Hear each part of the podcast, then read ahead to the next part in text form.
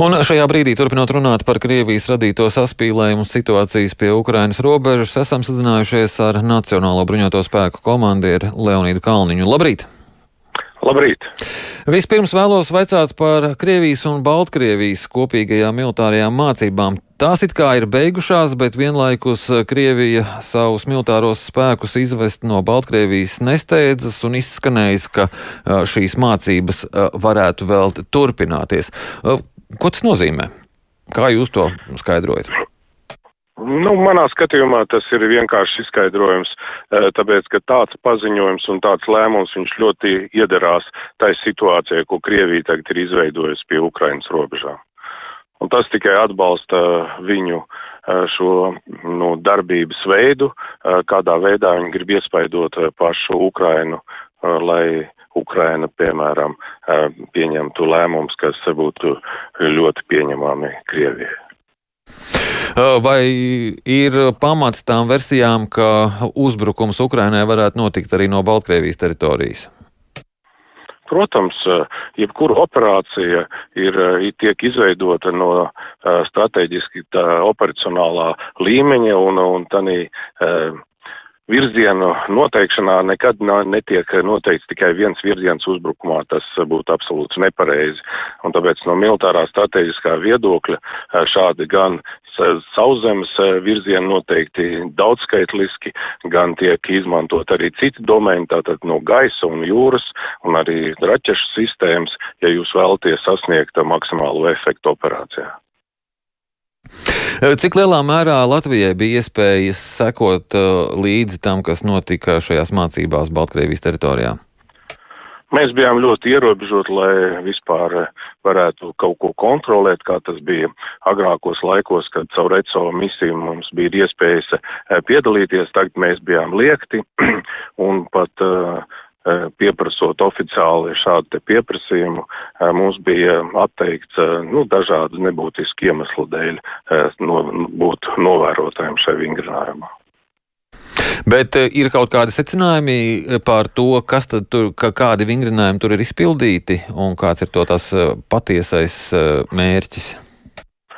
Patiesais mērķis ir uh, oficiāli paziņots to, ka viņi trenē savu sinhronizēto sadarbību ar Krievijas spēkiem. Jūs noteikti ziniet, ka gan arī 30 tūkstoši liels kontingents no Krievijas ir ievests Baltkrievijas teritorijā ar atbalstošajām vienībām un uguns sistēmām, kas ir nu, diezgan būtisks spēks. Tātad pirmkārt viņi atstrādāja sinhronizētu sadarbību un uh, viņu galvenais mērķis un koncentrēšanās veids bija galvenokārt pie Ukrainas robežas, Baltkrievijas un Ukrainas robežas. Bet aizdītajā nedēļā mācības sākās arī pie mums. Šo mācību mērķis daļai ir arī sniegt tā kā tādu atbildi notiekošajiem pie Ukrainas robežām. Nebūtu nē. Uh, šī nav atbilde par to, kas notiek tagad pie Ukrainas robežām.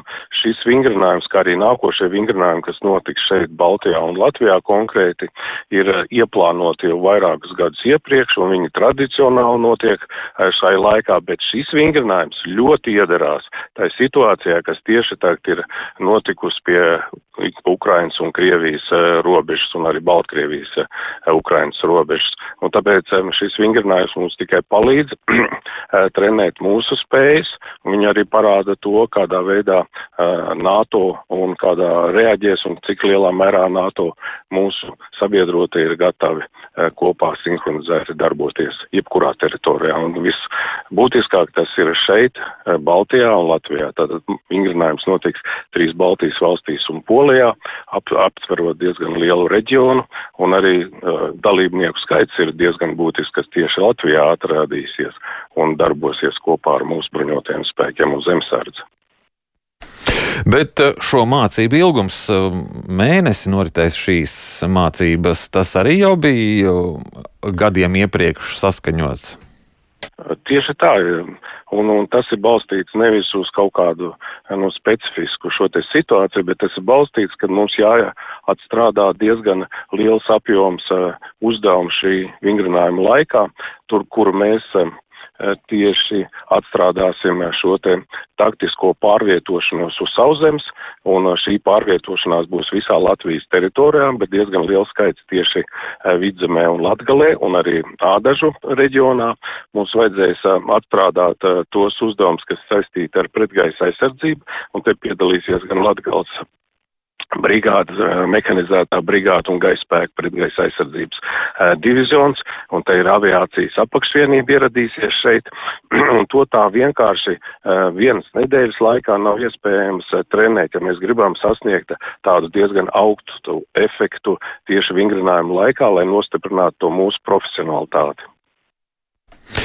Bet eh, aizsardzības ministrs izteicies, ka iedzīvotājiem būtu jāsagatavo eh, tā saucamā 72 stundu soma. Ko tas nozīmē? Eh, aizsardzības ministrs to jau vairāk, diezgan ilgu laiku periodu par to runā, un, un tas ir orientēts mūsu sabiedrībai, lai trenētu viņu, nu, tādu, kā lai saka, bū, gatavību jebkurai situācijai, un tā ir zināmā mērā civilā aizsardzība, un tā nav tik lielā mērā saistīta ar to, kas tagad notiek tieši Ukrainas iemeslu dēļ. Un, un, un principā šīs 72 stundas tas ir eh, trenēt mūsu domāšanu un trenēt mūsu attieksmi pret uh, mūsu dzīvesveidu.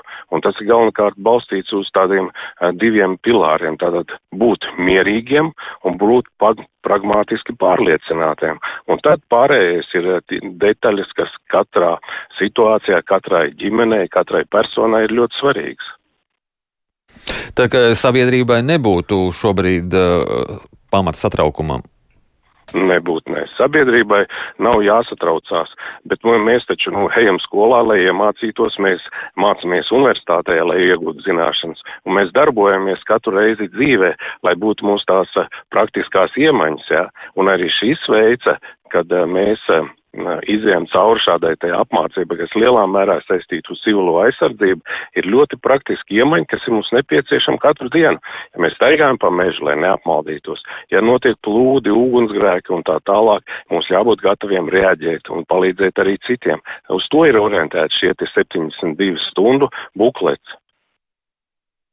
Bet uh, Krievija uh, paziņoja, ka tā vēlās, lai uh, ASV izvestu savus karavīrus no Baltijas valstīm, izvestu no Latvijas, vai pastāv mm, iespēja, ka mūsu drošību varētu kādā brīdī samazināt, ja šādas solis sekot?